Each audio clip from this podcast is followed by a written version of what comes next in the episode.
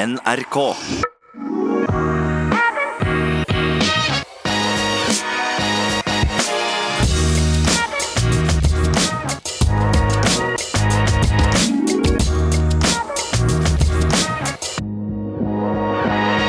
Da er det aldeles straks februar, og vi er godt inne i løpeåret 2020. Velkommen til nok en episode av I det lange løp.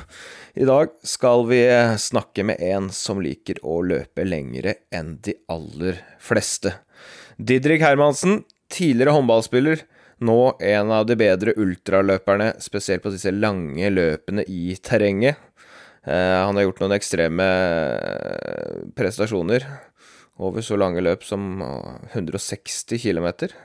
Det rimer dårlig med 20 ganger 40 meter inne i en håndballhall, så hvordan i all verden han har klart overgangen fra norsk topphåndball til det der, det er jeg veldig interessert å finne ut av. Men aller først skal vi selvfølgelig til eh, Kenya. Det er én måned siden Christian Ulriksen ankom eh, løpelandet eh, Kenya. Og Christian, hvordan går det med deg der nede? Det går fortsatt bra.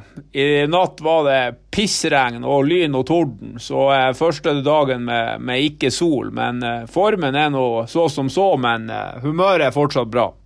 Ja, hvordan takler disse kenyanerne regnet? Når jeg var der nede, så var det færre som var ute og løp når det regna.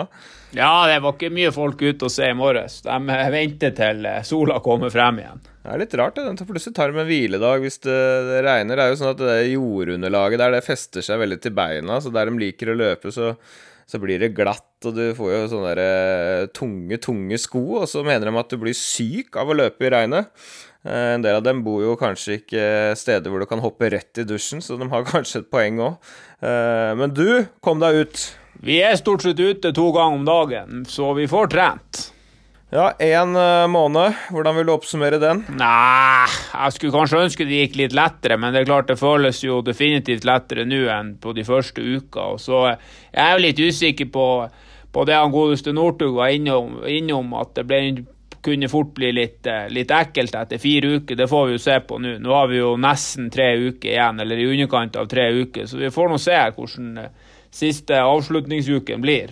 Ja, Hvordan syns du de siste dagene har vært? Jeg følger deg på Strava. Du har vel ymta frampå om at det kanskje ikke går superlett?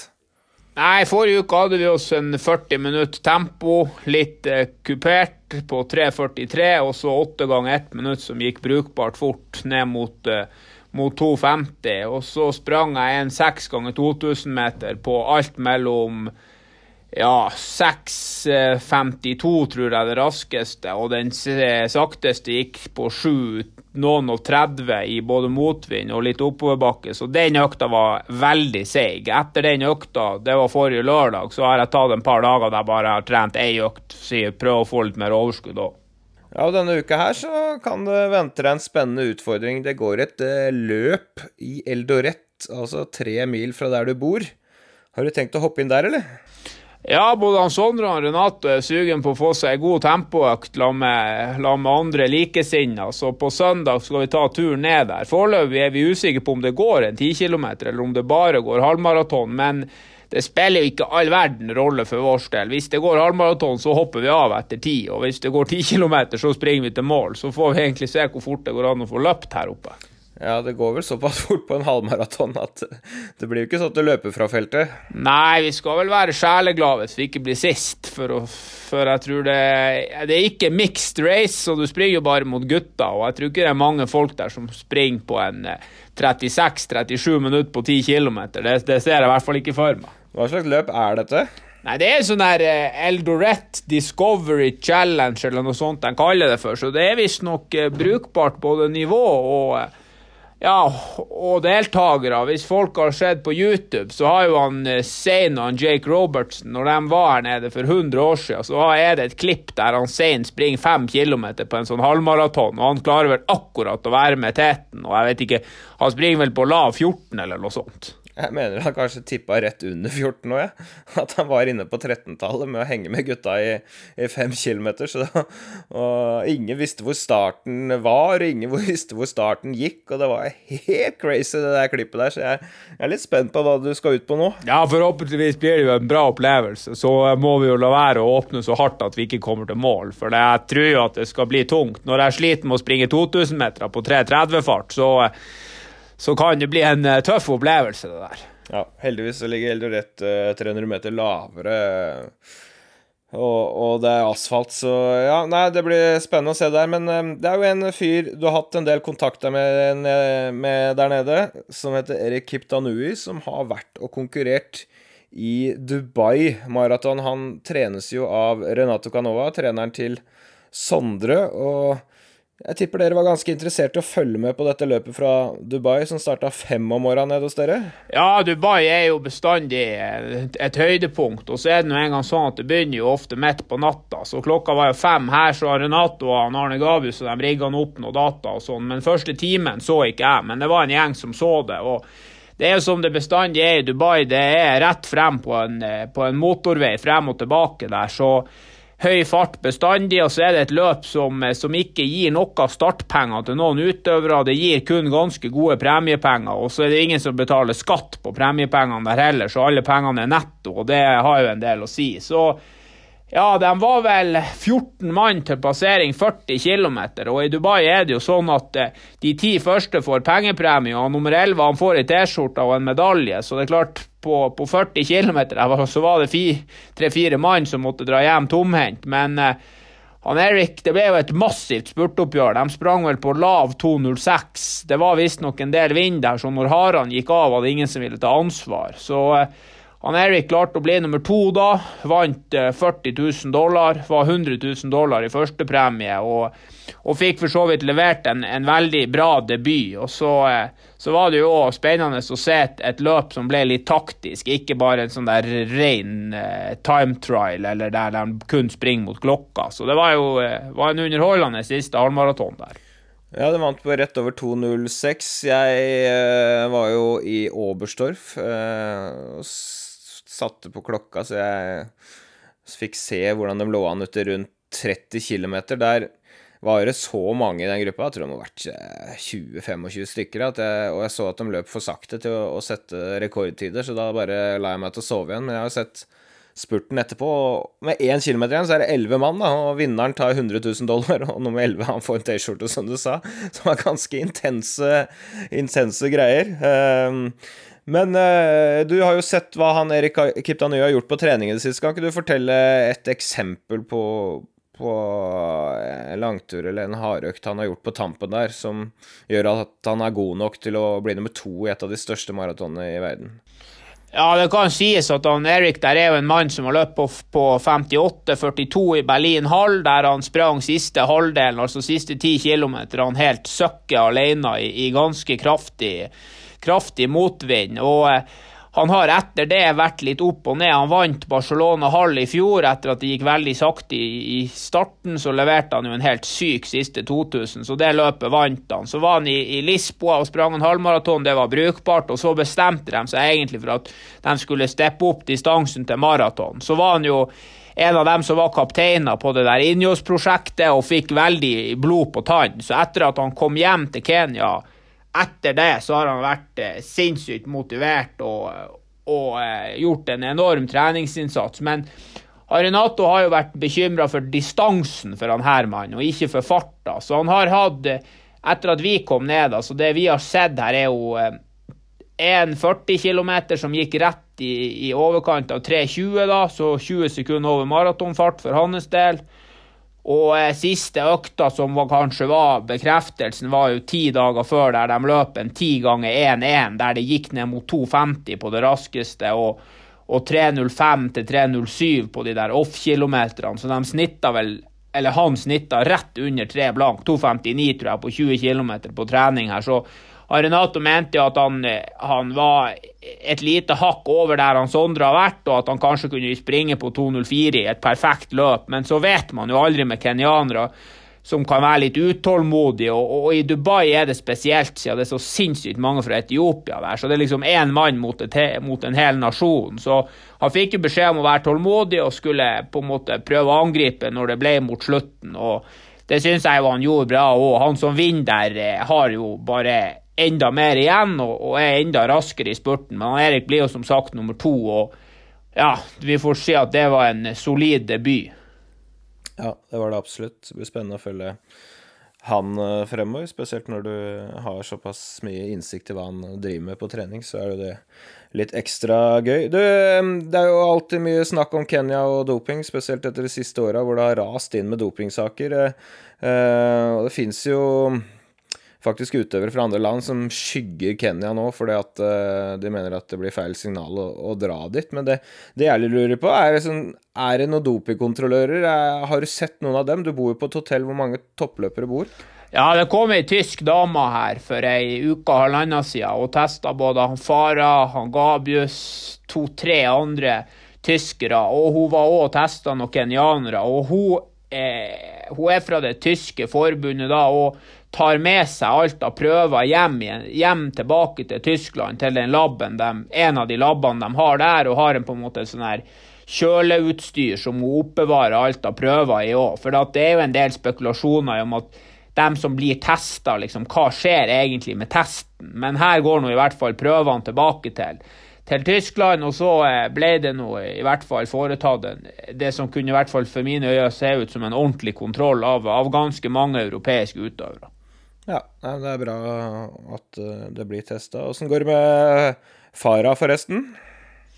Ja, han sliter kraftig med en akilles her, så eh, han, eh, Andy Butcher har òg problemer med en, med en, betennelse i en sånn slimpose nede i akillesen. Så på ja, nå er vi da på tirsdag. På søndag så pakka de rett og slett sammen utstyret og fløy over til Etiopia igjen. De måtte springe mye mer på gress enn en kupert underlag, og begge to var såpass ja, såpass dårlig til beins at de to siste dagene så var de faktisk mer på sykkelen og i styrkerommet enn de var ute og sprang. Ja, så da forlot han det Eller de, han eh, og treneren og Butchert og hele, hele gjengen. Det var jo synd for dere, men uh, sikkert bra for dem å komme seg på, på mykere underlag, da.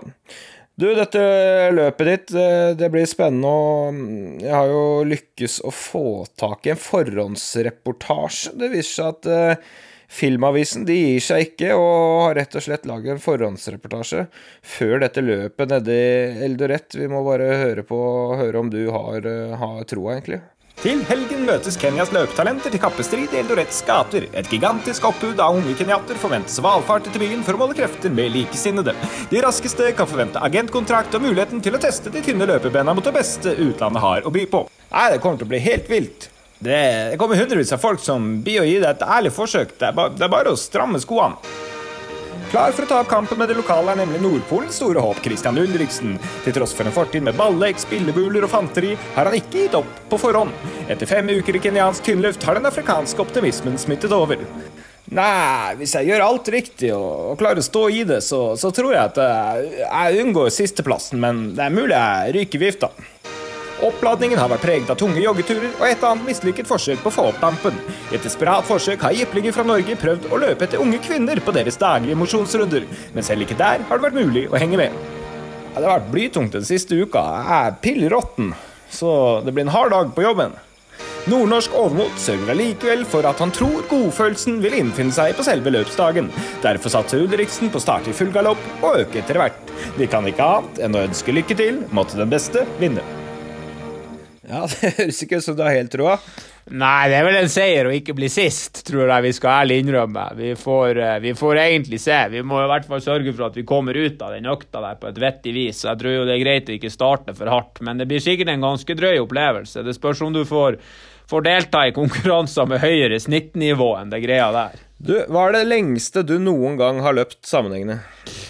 Jeg løp tre timer i oppladninga til London Marathon i fjor. Da løp jeg jo i rett hva kan ha vært 46,5 km. Men så har jeg jo, før jeg sprang den maraton i, i, 2014, da når jeg løp på 2,40, så var jeg to år på rad med på en sånn 50 km ultra som går i Tromsø, som går over litt, eh, litt fjell og litt stein og litt ur. Er, det er ganske løpbart. Han, eh, Eirik Haugsnes har løyperekorden der på en 4.16 eller noe sånt. Jeg tror jeg sprang på 4 noen og 50, og da var jeg jo i pluss-minus 2,40-form på maraton. Så ja, det er vel det jeg har av, av distanser over 42 km i mitt liv. Det må være de der tre turene. To ganger 50 og så en, en, og en tretimers, da 46 km på trening før London. Noe lenger enn det har jeg ikke løpt, og jeg er svært usikker på om jeg blir å gjøre det. Det er ikke galt, det. Da vet du litt om hva ultra er. Nå skal vi høre med en fyr som syns den der 50 km oppe i Tromsø ville vært en ren sprint. Eh, Didrik Hermansen heter han. Han har en fortid som håndballspiller. Spilt i tre toppklubber i Norge, også i toppserien i Sverige. Uh, han har faktisk uh, gjort det enormt uh, bra, altså, og, og vunnet Trans... hva heter det? Trans Gran Canaria. vært i USA og løpt et av de aller største terrengultraene der, blitt nummer to. Er skadet nå, så han har løpt lite det siste året, men eh, er i bedring og kommer til å satse hardt på kommende sesong. Hva skal vi si om eh, tidligere håndballspillere som løper på det nivået der? Eh, Nei, det er jo ganske drøyt å finne tak i interessen til å springe så langt når du kommer fra håndball. Jeg, jeg tror ikke jeg har hørt om en eneste håndballspiller som er glad i å springe. De er jo enda verre enn fotballspillere. Og så ta, klarer du å ta den helomvendinga. Det er jo litt annet enn imponerende. Så, så er jo uh, ultraløping en, en idrett der toppnivået er skyhøyt, men bredden ikke er all verden. Men han, Didrik har jo hevda seg veldig bra òg. og ja, det er ikke annet å si enn at det er imponerende. Så, så jeg skjønner jeg jo at, at de blir skada i ny og ne. Den påkjenninga der må jo være helt ufattelig. Altså 100 miles. Det må jo være nesten som å være ute på en ekspedisjon. Jeg lurer litt på hvordan man liksom trener seg opp til noe sånt nå. For uh, hvor ekstremt kan man være på trening uten at uh, det går galt, egentlig. Han holdt det gående i mange år før han fikk denne skaden her. Nei, det blir interessant. Eh, det var jo en stund større sjanse for at han skulle spille dette håndballmesterskapet for eh, herrer som nettopp er ferdig, enn at han skulle drive og løpe ultra, så um, vi får rett og slett bare høre med han. Jeg tar turen, jeg, ja, til Didrik Hermansen. Da har jeg tatt uh, turen til Majorstua, ikke så langt fra NRK, og opp på et skal vi kalle det, behandlingskontor. Naprapatlandslaget. Der finner jeg Didrik Hermansen, en gang håndballspiller, nå ultraløper. Velkommen til podkasten. Takk for det. Så her behandler du folk for løpeskader, eller? Eh, ja, blant annet.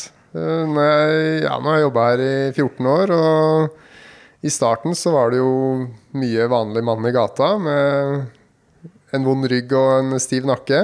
Eh, I den siste tiden, som jeg har blitt eh, mer og mer en løper selv, så, så har jeg også fått eh, pasienter som følger ja, samme vei som meg. Det vil si de er løpere. Og jeg behandler ja, i hvert fall halvparten av pasientene mine nå er løpere. Det var greit yrke å ha når man skal være ultraløper, tenker jeg. Da blir du løpt en del, og litt småvondt må det bli. Ja da, det blir jo Det er en stor belastning for kroppen, det er det. Det er mange kilometer. Så klart, uh, vondter, det får man jo. Men vi må starte historien før du begynte å løpe så mye. Du var håndballspiller. Jeg har jo eh, surfa litt rundt på nett. og jeg har sikkert sett deg i aksjon en eller annen gang eh, på en eller annen kamp òg, men Elverum, Fyllingen og Stavanger, norske klubber, altså spilte håndball på øverste nivå i Norge. Du har spilt på øverste nivå eh, i Sverige med AIK. Eh, hva slags type håndballspiller var du? Jeg var Jeg ble kalt Lynvingen. Det vil si jeg spilte var kantspiller. Jeg var keivhendt, så jeg spilte høyrekant. Jeg var ikke så stor i vekst. Jeg er 1,80 høy. Eh, veide 76 kilo den gang. Så det begynner å bli noen år siden jeg, jeg var håndballspiller. Eh, sånn at uh, håndballen har nok forandra seg ganske mye på, på den tiden. Siden jeg slutta. Men jeg var, ja, jeg var liten, liten kantspiller som ja, jeg forsøkte å holde meg unna midtforsvaret, for å si det sånn. Ja, der var det noen bulldosere. Jeg pleier å kalle herrehåndball organisert vold. Eh, hørtes ut som du var en av de mindre gutta. Ja, vi hadde jo forskjellige systemer, ikke sant. Og, noen systemer handla jo om at eh, kantspilleren skulle løpe inn. Og ja, inn i midtforsvaret. Og jeg, jeg prøvde å late som jeg ikke hørte de beskjedene der, så jeg holdt meg helst på kanten. Det hørtes bra. Men du var sikkert ganske rask, da? Eh, Ja, det var jeg nok. Ja, jeg var nok ganske, ganske eksplosiv den gang. Jeg trente mye styrke, mye tung styrke og spenst. Opptil både fire og fem ganger i uka. Så klart, eh, det var et helt annet eh, treningsregime den gang eh, eh, enn det det er nå, da. Var det håndball som gjaldt helt fra du var barn? Eh, Nei, det var det ikke. Jeg eh, drev med veldig mye forskjellig idrett. Eh, Det var håndball organisert fra tidlig alder, i tillegg til fotball og friidrett. Ellers var det jo som alle andre barn, med langrenn og hopp og skøyter om vinteren. Og ja, det kunne være orientering på sommeren. Bordtennis var innom. Eh, Men sånn organisert så var det, var det håndball og fotball som, eh, som gjaldt sånn opp i åra. Og etter hvert så Fra jeg var 16 så var det håndball som gjaldt fram til jeg la opp som 26-åring. Men du nevnte friidrett så vidt der. Hva var det du var innom der? Da var det 800 meter. Det var eh, litt eh, lengde, eh, hovedsakelig. Eh, litt, litt kastidretter. Ja, så jeg husker, jeg husker jeg var ofte i Stangehallen og løp. Eh, jeg husker spesielt en gang eh, jeg, var med på KM i 800 meter, og det var innendørs. Så det er da fire runder i stedet for to, som er utendørs. Og jeg satte inn spurten på, på det som da var tredje runden. eh, og jubla når jeg kom over målstreken og jeg hørte, jeg hørte det ringte i bjella. Eh, så ja, jeg vet ikke om det var da jeg forsto at uh, friidrett ikke er noe for meg, men eh, ja, jeg kunne i hvert fall ikke telle til fire. Så jeg fikk kara meg til en andreplass, faktisk. Jeg gjorde det. Men det var stive ben på siste runden. Det, Så. det tror jeg på. Du har gått for litt lengre runder etter hvert. da Disse smårundene har du på en måte uh, slutta med. Ja. Men hvordan var det håndballkarrieren utviklet seg? Det er jo ganske store klubber vi snakker om her. Det må ha gått riktig vei. Ja, det har jo det. Jeg tror jeg var heldig med, med klubben jeg starta i, Elverum. Som eh, er en fantastisk eh, by å spille håndball i. Hele, hele byen står eh, på hodet for, for håndballen. Og næringslivet også. Som gjør at det- er enkelt å, å spille håndball der. I tillegg så ja, så tror jeg Elverum er en, en fin idrettsby på mange måter, da. Så det starta med det. Hadde gode trenere, bra lagkompiser. eh, Sånn at vi gjorde det bra i, eh, i aldersbestemte lag. Både, spilte både Narvesen-serien og ja, kommer til semifinaler i gutter 19-NM. Og ja, hadde mange gode opplevelser da, med, med, med håndballen i Elverum. Og så eh, tok du steget til, videre til andre klubber. Ja, så var jeg, eh, var jeg noen år innom eh, Ja, var jeg noen år på, på Vestlandet, ja, både i, eh, i Fyllingen og Stavanger. Før jeg etter hvert fant ut at jeg måtte studere. Så da begynte jeg på Naprapathøgskolen i Stockholm og spilte for AIK da i fire år. Fram til jeg da var ferdig studert i 2006. Og det var også da jeg fant ut at uh, nå, er, uh, nå er jeg kommet så langt eh, Eller nå er jeg blitt så god da, som jeg kan bli med håndballen. Eh, jeg er jo veldig jeg er veldig resultatorientert. da. Så når jeg da fant ut at jeg ikke kunne bli enda bedre, og da ikke var bedre enn jeg var, så hadde jeg lyst til å gjøre noe annet. da. Da var jo du eh, 26 år. Vi er like gamle. eh, 39 år. Ja. Snart 40. Eh, og det er jo ganske tidlig å legge eh, Det må ha vært en forholdsvis lovende karriere på hylla, da. Ja, men samtidig som jeg sier, så, så følte jeg ikke at jeg var i nærheten av et landslag, da, som, eh, som jo alt måtte vært steget videre. Ehm, Så da, ja, da hadde jeg lyst til å prøve noe, noe annet. Så jeg fikk noe tilbud fra lokale eliteserieklubber her i Oslo når jeg flytta tilbake, men eh, det frista faktisk ikke den gang. Mens du var i Stockholm, eh, så debuterte du også på maraton. Eh, hva var det som fikk deg til å, å melde deg på maraton som håndballspiller i en toppserie der borte? Jeg har jo alltid vært veldig glad i å løpe. Um, jeg hørte på en uh, av de tidligere podkastene deres med, Didrik Tønseth. Og da kjente jeg meg veldig igjen. Jeg husker allerede på barneskolen så løp jeg for ja, Det var sånn løp for Afrika, het det. Og jo flere runder du løp, jo um, mer penger samla du inn for Afrika. Og jeg løp vel flest runder av alle på skolen, selv når jeg ja, var tidlig, tidlig barneskoleelev. da. Eh, og på beep-tester og andre Cooper-tester på håndballen, så, så, var jeg jo alltid eh, Ja, jeg holdt ut lengst. Så jeg har alltid vært glad i å løpe. Og så var det jeg og en kompis som bestemte oss for at vi skulle prøve Stockholm Marathon. Og ja, vi trente litt sammen, mye alene. Følte jeg gjorde mye rett. Målet var å komme under eh, tre timer. Eh, jeg følte også at jeg klarte å kombinere det ganske bra med håndballen. Så jeg løp kanskje tre ganger i uka. Eh, passerte halvveis på 1,30, helt etter eh, skjema. Og sprakk som en boble. Kom inn på 3,24. Ja. Så det var, det var, en tøff første opplevelse. Gråten i mål der jeg sier 'aldri mer'. ok, det kan vi komme tilbake til. Så Det skulle bli eneste, din eneste maraton, ja? Nei da, jeg har løpt maraton etter det òg. Ja, ja, jeg ja. skjønner, men der og da så er du ganske klar på det? Ja da, det, da var jeg ganske fast bestemt på at det her var et, eh, et kort prosjekt. Hvordan hadde du de siste ti kilometerne der? Jeg husker jeg tok igjen noen på den siste runden. Stockholm Marathon er jo to runder. Eh, de eneste jeg tok igjen, det var de som stoppa for å knytte skoa sine. Ja, ja, De sto stille. Ja, de sto stille. Så det var, eh, det var helsprekk. Eh, ja. Du lengta ganske bra etter målstreken en periode? Det gjorde jeg da.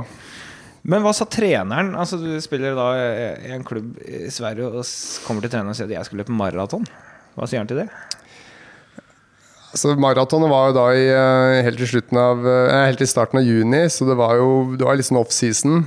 Så eh, jeg la jo nok inn eh, det meste av løpingen sånn da etter sesongslutt, da. Så ble, jeg påvirka ikke treninga så mye. Så jeg hadde jo ikke langturer, eh, naturlig nok, eh, inntil de dagene hvor det var kamper. Så det ble jo ikke optimalt. Altså Forberedelsene til maratonet ble jo ikke optimalt. Men jeg hadde lyst til å prøve, jeg hadde lyst til å gjøre noe annet. Og jeg følte jeg gjorde det bra på håndballbanen også. Så Og jeg fikk aldri noe, egentlig noen negative signaler på, på det valget der, altså. Det er klart at det er jo noe annet da enn å løpe rundt på 40 ganger 20 meter, som en håndballbane er vel, og løpe litt fra sånn 110 kilos kolosser på noen beep-tester til å gå på maraton. Det, det fins jo ting mellom der òg, liksom. Ja, jeg veit ikke. Jeg tror det bare var noe med at Stockholm Maraton er veldig stort hvis du bor i Stockholm så er det en stor, eh, en stor, happening. Eh, men det er jo masse fine andre kortere løp, så jeg vet ikke helt hva som eh, var grunnen til det. Jeg tror kanskje maraton er noe som, ja, som alle har lyst til å teste en eller annen gang. Da. Og så tror jeg også at jeg hadde jo ikke noe videre plan etter det. Planen var bare at jeg skulle gjennomføre et maraton. Og så har jo veien blitt litt til etter det, da. Ja, vi er flere som har vært der. Men hva skjedde så? Deretter så begynte jeg eh, ja, Jeg flytta tilbake hit til Oslo og begynte å jobbe som naprapat. Og trente mye styrke. Gikk mye på ski. Eh, løp eh, en god del. Og da var det på tide å melde seg på et nytt maraton. Da var det mer sånn at jeg skulle ha et løp framme i tid, sånn at jeg klarte å motivere meg og få lagt ned gode økter en liten sånn irriterende ball da, som du kaster opp i lufta, ikke sant? som, gjør at ja, jeg får gjort mye god trening. da. Så det var da Oslo Maraton, sånn i september. Det var vel da på nytt igjen eh, Det var i 2007, tenker jeg. Et par år etter. Og så var det et par år til neste, 2009, et nytt Oslo Maraton. Så, så, da var det hele tiden det maratonet på slutten av sesongen da, som var eh, på en måte høydepunktet for, for året. da. Eh, så det var en sånn liten Jeg pleier å kalle det tvangstrøye da, for å holde Ja, I utgangspunktet så var det det, da. Jeg merka at det var, ja, det var lettere å få gjennomført øktene da når jeg visste at maratonet lå der framme i tid. da Det kan være et tips til noen. å Bare melde seg på et stort løp som man gjerne investerer både litt tid og, og penger i. Da ligger den der, og så må man løpe uansett om man er forberedt eller ikke. Da kan man like godt møte opp forberedt. Og gjerne, gjerne fortelle hele omverdenen at du har meldt deg på, da som Ja. gjør at uh, terskelen for å, for å baile ut blir enda større. da Så det ene maratonet, aldri igjen i Stockholm, det ble til litt sånn spredte maraton i noen år. Det ble til ti maraton etter det. Ja. Så jeg løpt, eh, løpt elleve maraton. Um, ja. Men, men, Bare, i, ja, bare i Norge. men maraton er jo én ting. Det er jo flere av oss som har vært gale nok til uh, å løpe maraton, men du har gjort ting som er vesentlig mer heftig enn det. Og når kommer du første gang inn på tanken om at den tidligere håndballspilleren skal begi seg ut på det som vi kaller ultra, da, lenger enn maraton? Jeg løp mitt første løp, eller ultraløp i 2010.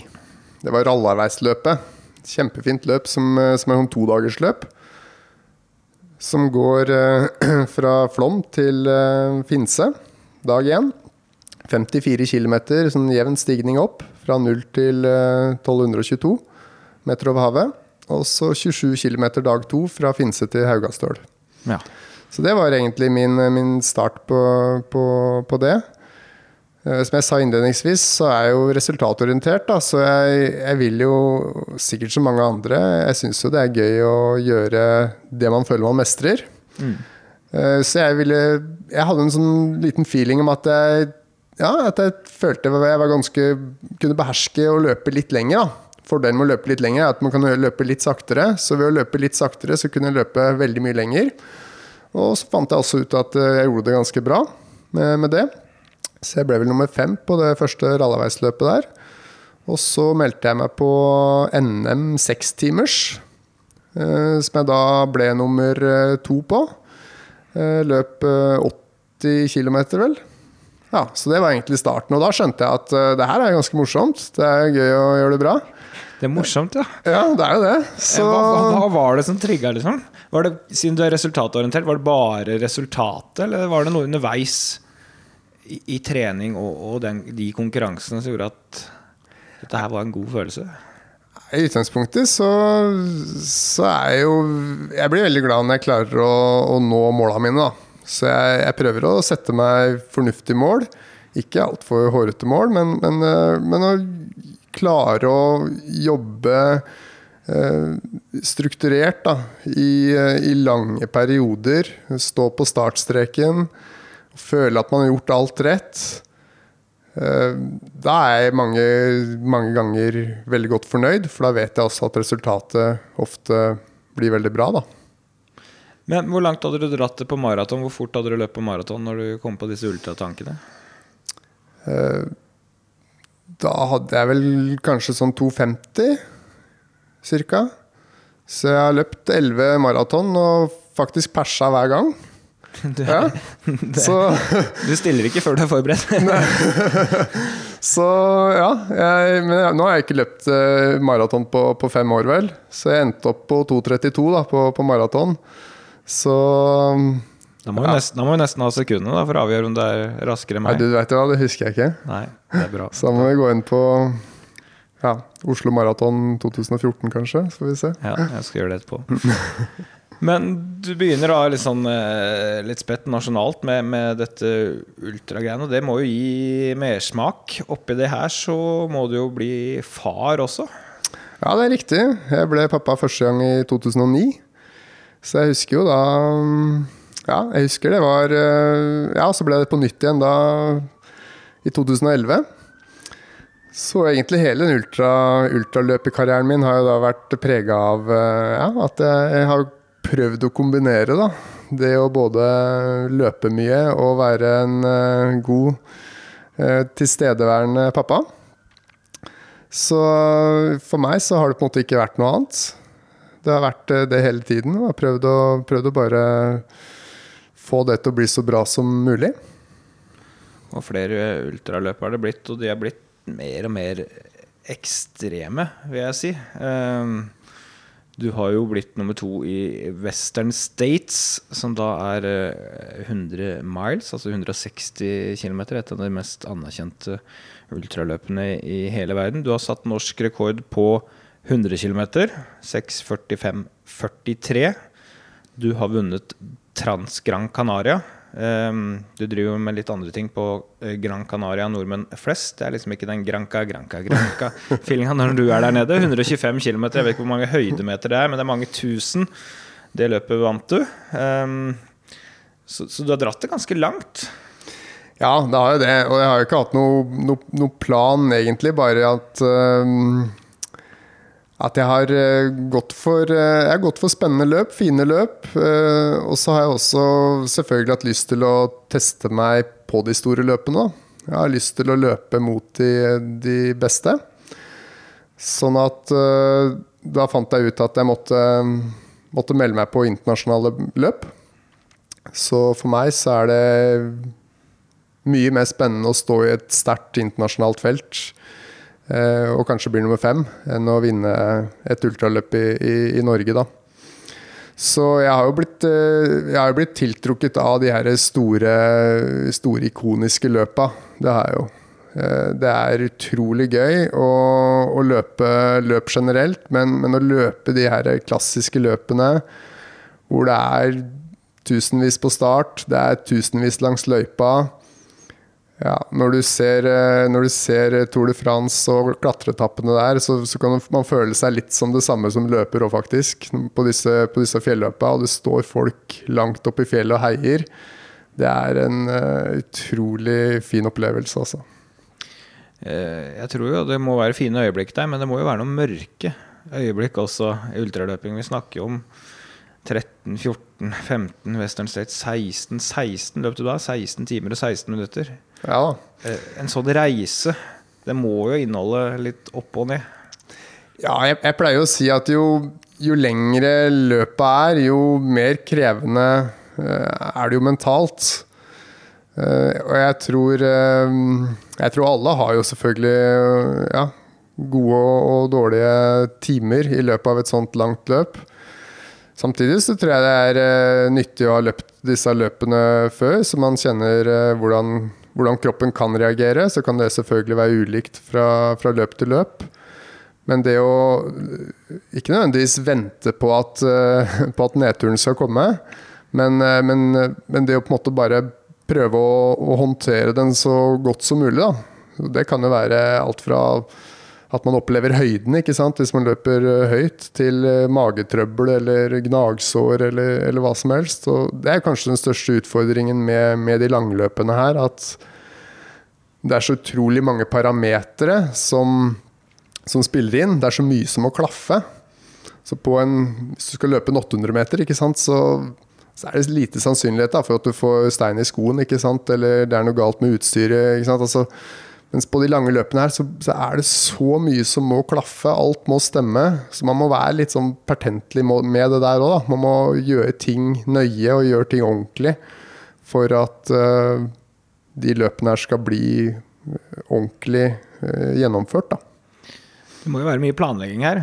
Ja, det er det. Man må være nøye, nøye i planleggingen. Og ikke bare, ikke bare i selve treningsarbeidet i ukene og månedene i forkant, men, men, men, også utstyr. da. Uh, mange av disse løpene så, så, er jo utstyr påkrevd. og Man må løpe med sekk, og det er Eh, noen av løpene så er det påkrevd med bl.a.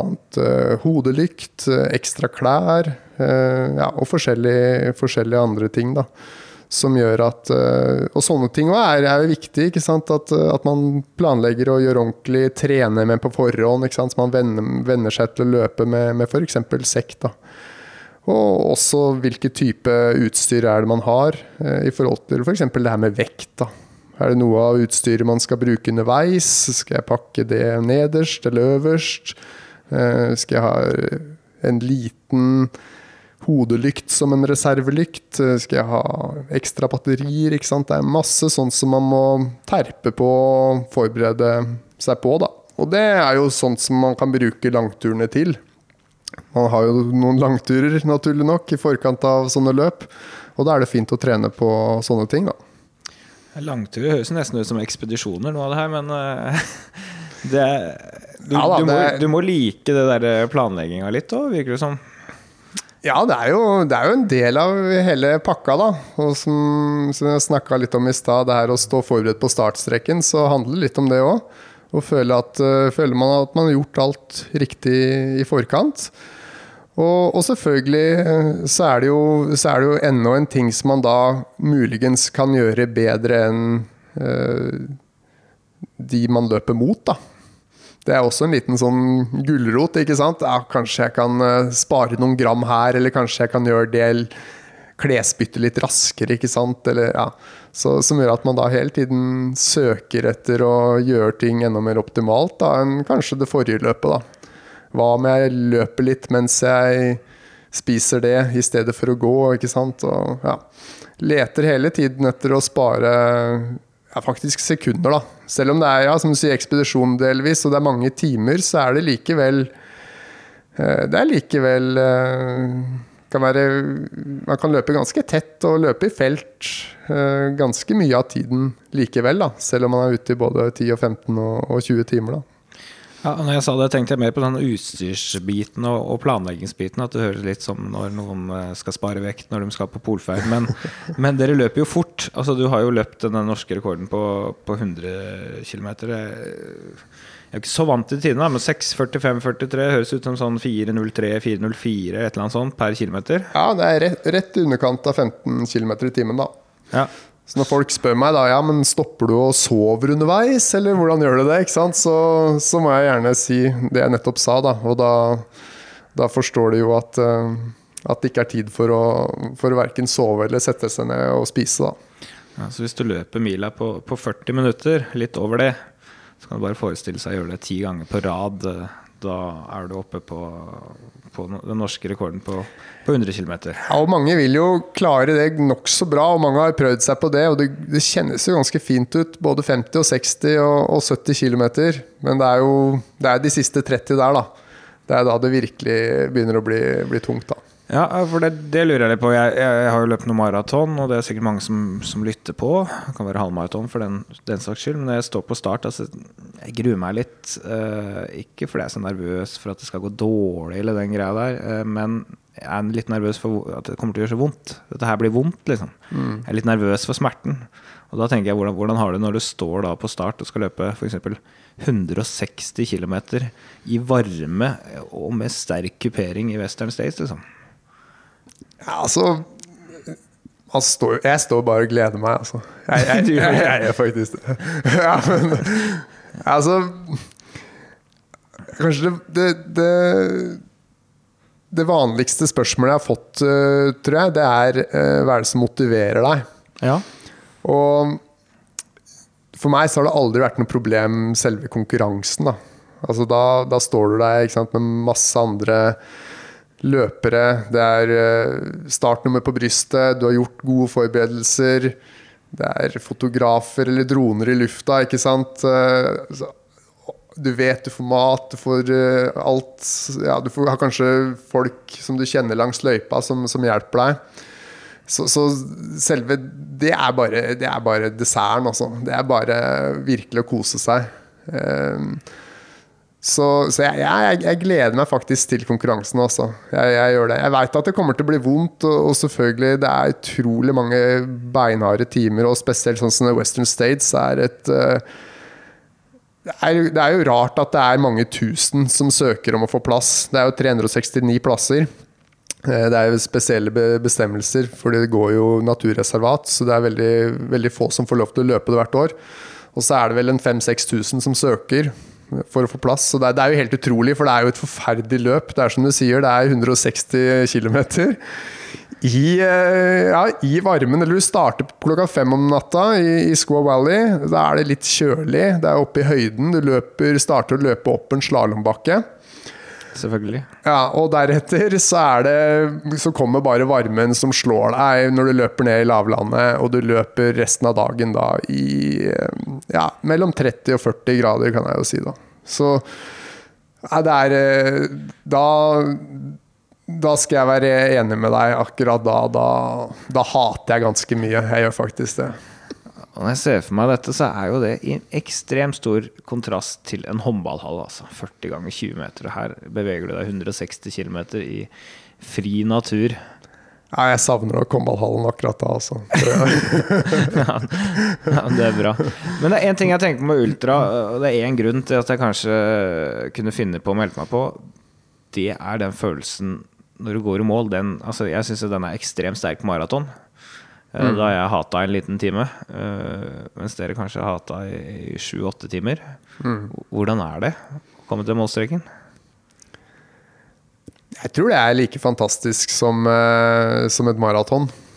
Jeg tror det Det er vanskelig å si om det, ja, om det er noe, noe, noe, bedre. Det kommer jo nok litt an på hvordan det har gått. Men det er, det er jo Jeg tror man er enda mer sånn nedkjørt, da, sånn kroppslig, etter et ultraløp som, som etter et, uh, et maraton. Maraton går det jo såpass mye fortere, som gjør at man det er mer den der eh, at man bare har vondt i beina, hvis du skjønner hva jeg mener. Da. Mens på et ultraløp så er du, du er så nedkjørt på alle måter. Da. Du kanskje starta kvelden før, som gjør at du ikke har sovet. Ikke sant? Du har kanskje ikke sovet på et døgn. Uh, og du har uh, kanskje hatt problemer med å spise, ikke sant. Så, er, så jeg, stort sett så er det en blanding av utrolig nedkjørt, sånn kroppslig, samtidig som jeg er veldig trøtt. uh, og veldig sulten. Men jeg har ikke lyst på mat. Eh, hvis jeg spiser, så vil jeg med all sannsynlighet eh, kaste det opp. og jeg får heller ikke sove, for kroppen er veldig oppgira. Ikke sant? Så det er veldig, en veldig spesiell følelse, altså. Det er det. Samtidig så så er det Ja, det er vel det vi Ja, i hvert fall det jeg lengter litt etter, da. Når jeg løper de øktene mine i skauen og er ute time etter time, så, så, gleder jeg meg. Og da visualiserer hvordan neste løpet mitt skal bli, da. Det eneste som er helt sikkert, det er at trening hjelper. Så nå er det bare å få stramma skoene, bite tennene sammen og stå i det til økta er over.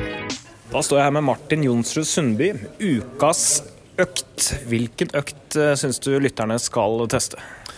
Jeg mener kanskje en, eh, en fin økt for mosjonister, og egentlig for meg selv òg, er en uh, litt annen variant på, på mølle. Løpsmølle. Inneøkt for, for, vinteren. og Da kan man kjøre eksempelvis en 45-15 uh, intervall, som innebærer 45 sekunder innsats og 15 sekunder hvile. Og så gjentar man dette fem ganger. Og så ganger man det med fem igjen. Så da heter økten 45-15 ganger 5 ganger 5. Og det blir en økt som um, hvor alle uh, egentlig da får muligheten til å løpe litt fortere enn man er vant til på et vanlig 3-4-5 minutters drag, fordi man får disse 15 sekunder pause, men pulsen rekker ikke å roe seg. Så man vil ha uh, konstant høy puls, kunne løpe litt fortere enn man pleier, og totalt sett mener jeg det er en, en god intervalløkt på mølle. Seriepauser der. Eh, ja, da kan man eh, i Mitt tips er å øke pausen. Så etter første femminutteren så tar man ett minutt, og så øker man etter halvannet, og så til to. Og så får man se hvor stiv man er etter, eh, mot slutten. Men at pausene kan bli noe lengre, men at de ikke nødvendigvis trenger å være lange på de to første dagene. Hastigheten her, er den konstant gjennom hele økta, eller bygger opp litt progressivt? Ja, for å si hva jeg pleier å gjøre, så starter jeg på 12 uh, stigning og 12 uh, Nei, og 12 km i timen. Og så øker jeg selvfølgelig farten for hvert 15 sekunders drag, og så avslutter jeg siste, siste draget på 14% stigning og 14 km i timen. Og da, da går det unna både bratt og, bratt og fort. Så kan alle prøve seg på det. Kanskje på litt annen helling og annen hastighet, vil jeg anbefale. Men det var iallfall et fint økttips fra Martin Jonsrud Sundby. Tusen takk.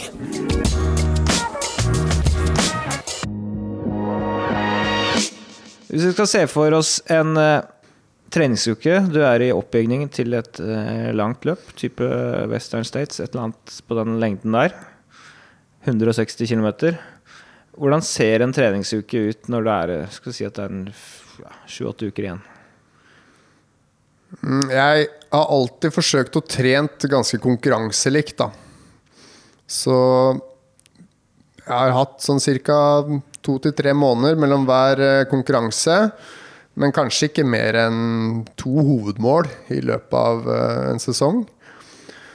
Og hvis det mm, er da flatt, en flat 100 km, sånn som f.eks. når jeg løp eh, ja, satte norsk rekord på, på VM i, i, 2016, så er det da naturlig mye, mye fartstrening, da, mye asfalttrening. Og Western States, som da er mer kupert med terrengløp, så vil treninga mi da naturlig nok være mer retta mot det, da. Sånn som Western States, da, som da er et, et varmt løp, eh, kupert løp, så løper jeg da med klær, blant annet, for å simulere varmen. Og så løper jeg mye harde økter i kupert terreng, da. Sånn typisk innover eh, innover i Nordmarka, f.eks. Eh, Kikkutrunden, da, for de som kjenner til den. da. Um, og da kan jeg løpe hele, hele runden f.eks. i ganske god fart hele veien. da. Uh, kan løpe rolig stigning fem kilometer, for deretter å løpe alt jeg kan fem kilometer ganske bratt nedoverbakke, f.eks. For å herde beina? Ja. F.eks. i bunnen av Maridalsvannet, og så hele veien opp forbi Ullevålseter til Skjennungstua, og så full fart ned. da. Kunne jeg gjøre det f.eks. tre ganger. da for å rett og slett bare ødelegge låra, altså. Det tror jeg fungerer. det, det, gjorde det. Og, og, det er da for å prøve å, å, få en så lik opplevelse på trening som det kroppen også vil få da på en, på en sånn konkurranse. da. Det tror jeg egentlig andre kan dra inn på maraton og halvmaraton òg. F.eks. du skal løpe New York Marathon, du skal løpe øh, Boston, et eller annet sånt som er litt småkupert, og du ikke er vant til å løpe fort nedoverbakke, så vil du får problemer muskulært hvis du ikke har gjort det på trening. Da. Og det dukker opp en del andre problemer i løpet av et maraton, så det kan være greit å i fall unngå de man kan. Mm. Uh, så det går an å trekke de inn på selv kortere distanser. Ja, og klart eh, Det er jo eh, det er litt, litt sånn risky business, er det. det er, du får jo veldig høy fart, veldig steglengde og veldig sånn hard impact for, for, for muskulaturen og bena. Men hvis kroppen tåler det, så er oppsiden veldig stor med det. da kan gjøre det litt gradvis. Du trenger ikke å løpe så langt og så mye. Ikke løpe så bratt og ikke så raskt ned, og heller ikke så, så, langt. da. Men du kan ikke løpe langt og hardt på hver treningsøkt denne uka. Eh, du har en viss fordeling på dette, vil jeg tro. Ja da, det har jeg. Men, eh, men jeg vil si at uh, den viktigste økta som jeg alltid har prioritert, det er langturen. Ja. Så jeg har stort sett hatt en langtur hver uke. Og den har jeg nesten Stort sett Annenhver uke så har jeg kjørt den hardt, da. Så annenhver uke så har jeg kjørt uh, fire timer i da konkurransefart, som er 100 km-farta mi. Så 60 km i fire blankfart. Så det har vært en, så det har vært en solid uh, langtur med kvalitet, da. Og så uka etter så har langturen da bestått av fire til seks timers rolig uh, løping i terrenget. Sånn at du er litt forsiktig med at du ikke får for mye? Ikke for mye, men, men klart det, For meg så har, det, så har, det, fungert veldig veldig bra, føler jeg, å ha mange kilometer i konkurransefart. I, i, høy fart. For det er høy fart, men det er ikke sånn Det er, ikke, det er jo ikke maratonfart, ikke sant? Som gjør at det går an å holde ganske mange kilometer. Og han føler seg nokså fresh i beina, kanskje ikke dagen etter, men, men to dager etter, da. Det eneste jeg vet om langtur og ultratrening, er en del gjør altså back to back langturer. At de løper da to dager på rad. Langtur, har du gjort noe av det? Ja da, det, det har jeg også gjort. Eh, og blant annet før, eh, før jeg satte norsk rekord på 100 km, så løper jeg, løp jeg sånn 30-30-30. Altså 30 km Jeg hadde vel 30 km i fire blank fart første dag, og så 30 km i 3.52, tror jeg. Og så 30 km i 3.44. Så 90 ganske harde kilometer tre dager på rad. Så det er forskjellige varianter å gjøre, men, men, men, det tror jeg ikke er så viktig. Det viktigste er jo at man får trent sånn som, eh, ja, sånn som det passer, da, i forhold til familie og jobb og, og i det hele tatt. Um, så noen ganger så, så, så passer det, og, og, noen ganger noe annet så er det selvfølgelig viktig å ha forskjellig type, type økter. Da, for også da å utfordre beina og muskulaturen så mye som mulig. Da. Ellers har jeg alltid hatt en, en sånn time hardøkt, um, gjerne på, på, mølle. Som også har vært en sånn solid fartsøkt. Eh, for meg så har det vært da sånn 3.25-fart, da. Altså sammenhengende én time. Ja. Ja. Hvor jeg bare har kjørt god, ja, mange kilometer i da god, god fart, da. Jeg har vært litt forsiktig med å løpe raske intervaller. eh, Av to ting. Både litt sånn eh, i forhold til å unngå skader, men også for å For, for jeg føler ikke jeg er helt avhengig av den der toppfarten. For meg så har det vært viktigere å ha flere kilometer i eh, litt lavere fart, da. Så da ha noen uker hvor jeg har da 100 km da, eh, av eh, ukas totalantall, har da vært ganske raske kilometere. Sånn i og rundt eh, konkurransefart, det føler jeg har vært ganske, ganske effektivt. da. I stedet for å ha et betydelig færre antall kilometer i veldig mye høyere fart. da. Så du teller liksom eh, antall kilometer fra fire blanke raskere, da, kanskje? Ja, det kan man godt si. Ja. Ja. Eh, Det er en sånn måte jeg også har gått fram, egentlig. Men jeg har aldri vært så oppe i så mange som 100. Eh, Men hvor mange kilometer løper du totalt på en uke når du virkelig er i draget? Jeg tipper jeg har løpt ca. 180 km, Ja. vil jeg si. Sånn i snitt. Litt, litt avhengig. Hvis det er, eh, hvis det er da mer sånn eh, terreng, eh, terrengløping og mer stiløping og høydemetere, så, så går jo kilometerantallet noe ned, og, og motsatt, da, så kan det gå noe opp. da. Så skal vi si mellom, mellom 160 og 190, da. Men hvor- hvordan i all verden får du tid til dette? Full jobb og, og, og barn? Er det sånn du sier til fruen nå skal jeg bare ut og løpe 60 km firblank, så skal jeg ta disse ungene med på Tusenfryd etterpå? Liksom. Altså, Det, det høres ikke Nei, ut, det ut er, som det lar seg eh, gjøre på et vis. Ja, det har jo skjedd litt sånn gradvis, det der òg. Fra å etter hvert finne ut at ja, men jeg trenger jo ikke å Jeg trenger jo ikke å ta T-banen til jobb eller sykle til jobb. Jeg kan jo løpe til jobb. Det er Ja. jo dusj i kjelleren. Eh, Så allerede der så har jeg da løpt eh, en del mil, spør du meg, sånn gratis da, i løpet av eh, uka. Sånn, å, altså transportering er i mitt hode liksom død tid, da. Ja. Så jeg tror jeg er blitt ganske flink på å, på å være nøye med tida mi. Så hvis vi skal et sted, um, så kan jeg skifte på forhånd, og så hopper jeg av 15 km før vi er framme. da, Og så løper jeg siste biten. Ja, det, Så, så jeg har nok blitt ganske flink til å prøve å, å skvise inn uh, tid der det, der det kanskje andre ikke ser at det er tid, da. Uh, så har jeg også en uh, Jeg er heldig kanskje sånn med, med jobben min. Jeg har en, en jobb som jeg styrer tiden selv. Um, så jeg, jeg har ikke jobba hver dag. Jeg har ikke jobba 100 eh, Og det, jo, det er vel kanskje den aller viktigste biten av det. Det gjør at jeg kan gjøre unna veldig mye av treningen i da normal arbeidstid. da mellom, mellom klokka åtte og fire. Så langturen har jeg da Da er jeg fri den dagen, faktisk. Og da har jeg typisk eh, levert barna og vært på langtur og henta dem på vei hjem fra langturen. det var Så det var min fridag. en, en dags jobb, ja. Like blid og Ja, opplagt ja, da pappa. har jeg det som plommen i egget. Ja, nei, men det er godt. Du, vi har uh, spurt våre følgere på Instagram om de har noen spørsmål til deg, så vi kjører rett og slett eh, Lytterne spør.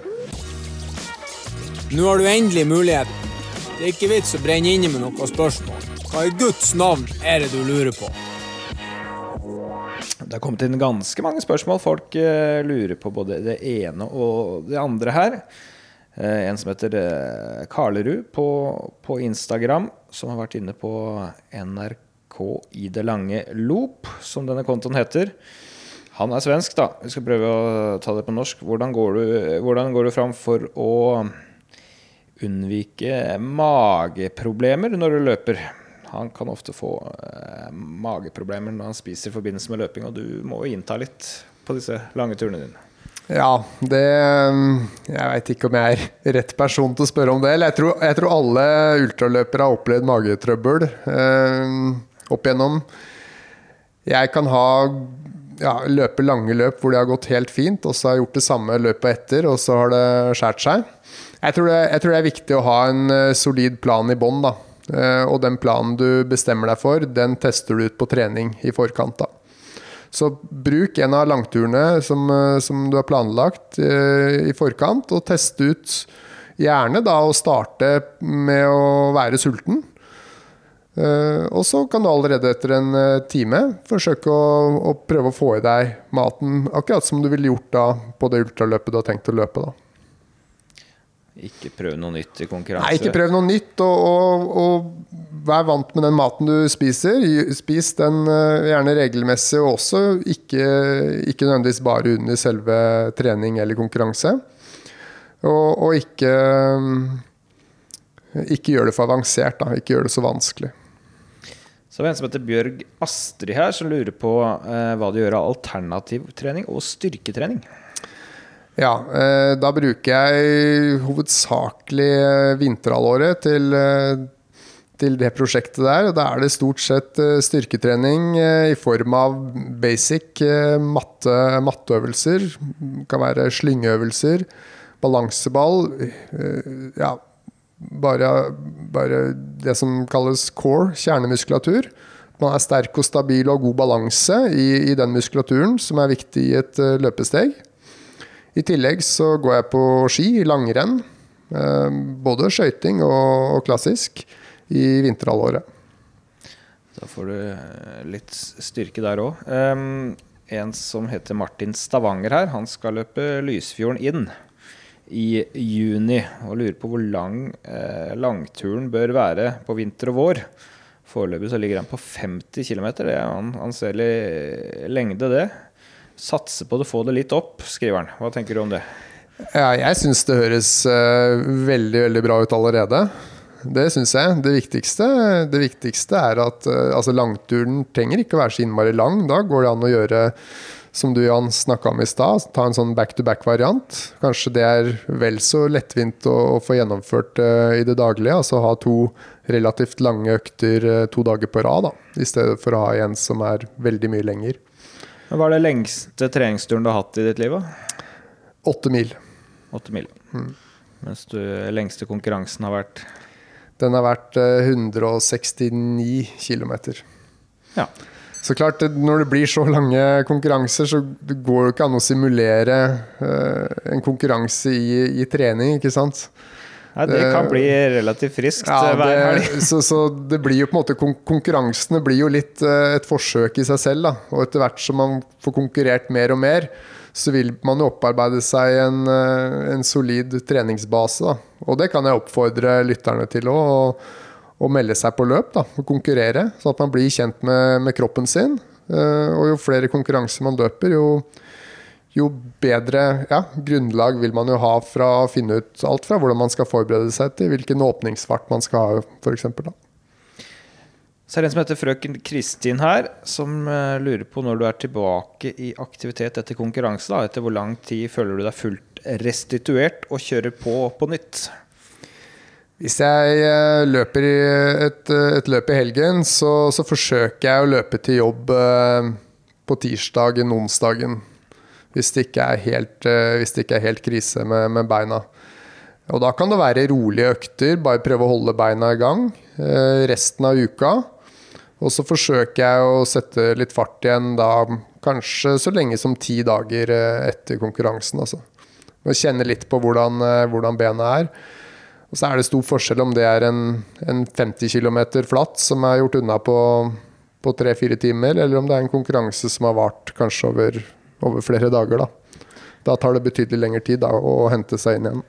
Det tror jeg på. Jeg syns det tar langt nok tid etter de der 4,2 milene på asfalt. Ja, ja, det er eh, ja. Løpe, eller Lope Gonstad lurer på eh, om du bruker mye konkurranse på kortere distanser, som 5, 10, halv og maraton, som trening. Holder du igjen da, eller er det all out? Jeg eh, jeg kjører, eh, jeg kjører, fart absolutt på, på, trening, men ikke i form av konkurranser. Og det er bare litt Rett og slett bare praktisk med at jeg, jeg føler jeg jeg føler jeg bruker nok av, av tida mi på løping. Om jeg, om jeg, ikke skal bruke mye tid på, på konkurranser som i utgangspunktet ikke er uh, viktige konkurranser. Så jeg føler jeg har vel så godt utbytte av å kjøre da f.eks. En, en rask 10 km bare hjemme fra døra mi, som da er gjort unna på, på en snau time, i stedet for at jeg skal melde meg på et løp og, og reise. Da. Så det er mer, mer praktiske grunner. Men uh, som sagt, det å, det å konkurrere det er, det er, viktig. Og hvis man vel skal være med på en konkurranse, så tenker jeg at det er en fin anledning til å virkelig pushe kroppen sin og, og kjøre full gass. da. Erlend Hansen han lurer på en ting som jeg har lurt litt på selv òg. Mye mentalt ved slik løping. Benytter du deg av noen spesielle mentale teknikker? Jeg bruker nok uh, visualisering. Det gjør jeg nok. Jeg forsøker nok å se for meg hvordan jeg vil uh, ha løpet uh, underveis. Det kan jeg gå gjennom i hodet mitt både dager og uker og måneder i forkant. da. Jeg benytter meg også mye av f.eks. YouTube, der jeg leter opp videoer, eller kanskje blogger, fra det løpet jeg skal løpe. Sånn at jeg er så godt forberedt som mulig til, til det jeg skal gjennom. Det føler jeg hjelper for min del. Da. Sånn at jeg kan kjenne igjen bakkene, f.eks. Eller kjenne igjen matstasjoner. Eller ja, at jeg vet så mye som mulig om, om løpet. Da. Det merker, merker jeg er veldig betryggende for min del, i hvert fall. Så er det en, egentlig flere som lurer på det her. Vi kan ta et samlespørsmål på det, egentlig. Og vi kan nesten ikke snakke om ultra uten å, å gå litt nøyere gjennom det. Hva inntar du av næring, da? Både det som er litt fastere, og det som er flytende, og, og, og når? Ja, um, der igjen så avhenger det veldig av en, en 100 km flat som er gjort unna på snaut sju timer. Da spiser jeg minimalt. Det samme med, med Trail, som er gjort unna på seks timer. Uh, som er uh, ja, Norges, Norges, største ultraløp, som går her i Oslo. Da, da er det stort sett uh, drikke. Det kan da være sportsdrikke i hovedsak.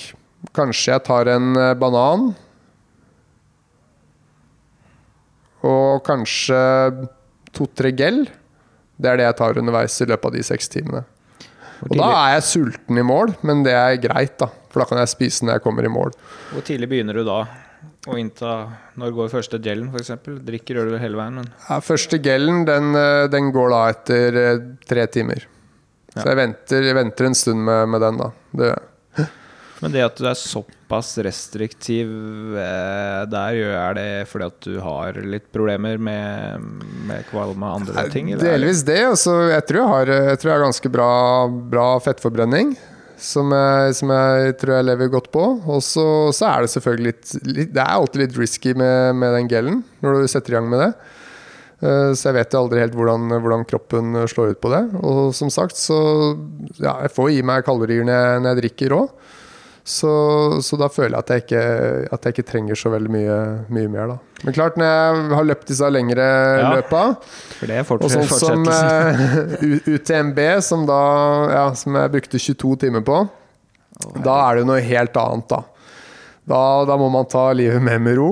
Um, og da, da, spiser jeg Prøver jeg å spise så, så likt det jeg vanligvis spiser, da. Det vil si, da lager jeg pasta carbonara, f.eks. Eh, jeg kan lage risotto. Eh, rett og slett små matdunker som da crewet mitt eh, gir meg underveis da, i, i løypa. Og da er det ikke noe gel før etter ja, tolv timer, tror jeg jeg starta med det. Hvor mye drikker du, da? Ja, jeg drikker egentlig ved, ved behov. Uh, ja, og det er Det kan være Der igjen, så, så så det er i all hovedsak sportsdrikk. Også. Jeg venter også der med colaen. Uh, og vann syns jeg er litt unødvendig. Uh, å bare drikke, bare drikke, vann. Så det, jeg tenker det er bedre hvis man skal få i seg drikke, at det er, at det er noe næring i, og kalorier i, i, den drikken man får i seg. Da. Og så har jeg prøvd uh, sånn Oatly sjokoladedrikk. Som jeg syns fungerer veldig bra. Som det er havrebasert ja, sjokoladedrikk. Uh, som, som, jeg føler er, er god. Den har funka for meg, og jeg får i meg bra med kalorier da samtidig. Da. Men er det mulig å drikke nok? Altså Western States, 16 timer bruker du, og, mye av det her Hvis du iallfall er riktig år der, så er det 35 oppi 40 grader. Er det mulig å drikke nok, liksom? Nei, det er det ikke. Altså Og, og det er Altså, jeg tror, jeg tror man kan forvente seg at man blir dehydrert på de aller fleste løpene. Altså, hvis du er så heldig da om å tisse, så er det, det er brunt, det tisset som kommer ut, for å si det sånn. da Så det er eh, Man er ekstremt eh, dehydrert. Så, så klart, det er jo Det er ikke bra for nyrene, for å, for å si det sånn. Det er det ikke. Eh, Så Det gjelder jo bare å, å få i seg mye, men, men etter hvert så Det er det som er utfordringen. At det er vanskelig å få i seg mat og drikke fordi man rett og slett mister matlysta. Man, jeg husker spesielt ja, det var Under UTMB så, så hadde jeg med meg en sånn vestlandslefse. Og det er jo noe som jeg syns er godt. da. Jeg tenker jo også at man skal prøve å ta, ta med seg eh, den maten man, ja, man, man liker sånn til daglig, og som man vet eh, man eh, får lyst på. Så tenkte jeg ok, nå skal jeg ta tida på hvor lang tid jeg, eh, jeg bruker eh, på den her. Og det her var eh, Det var vel sikkert eh, sånn tolv timer ut i løpet. da.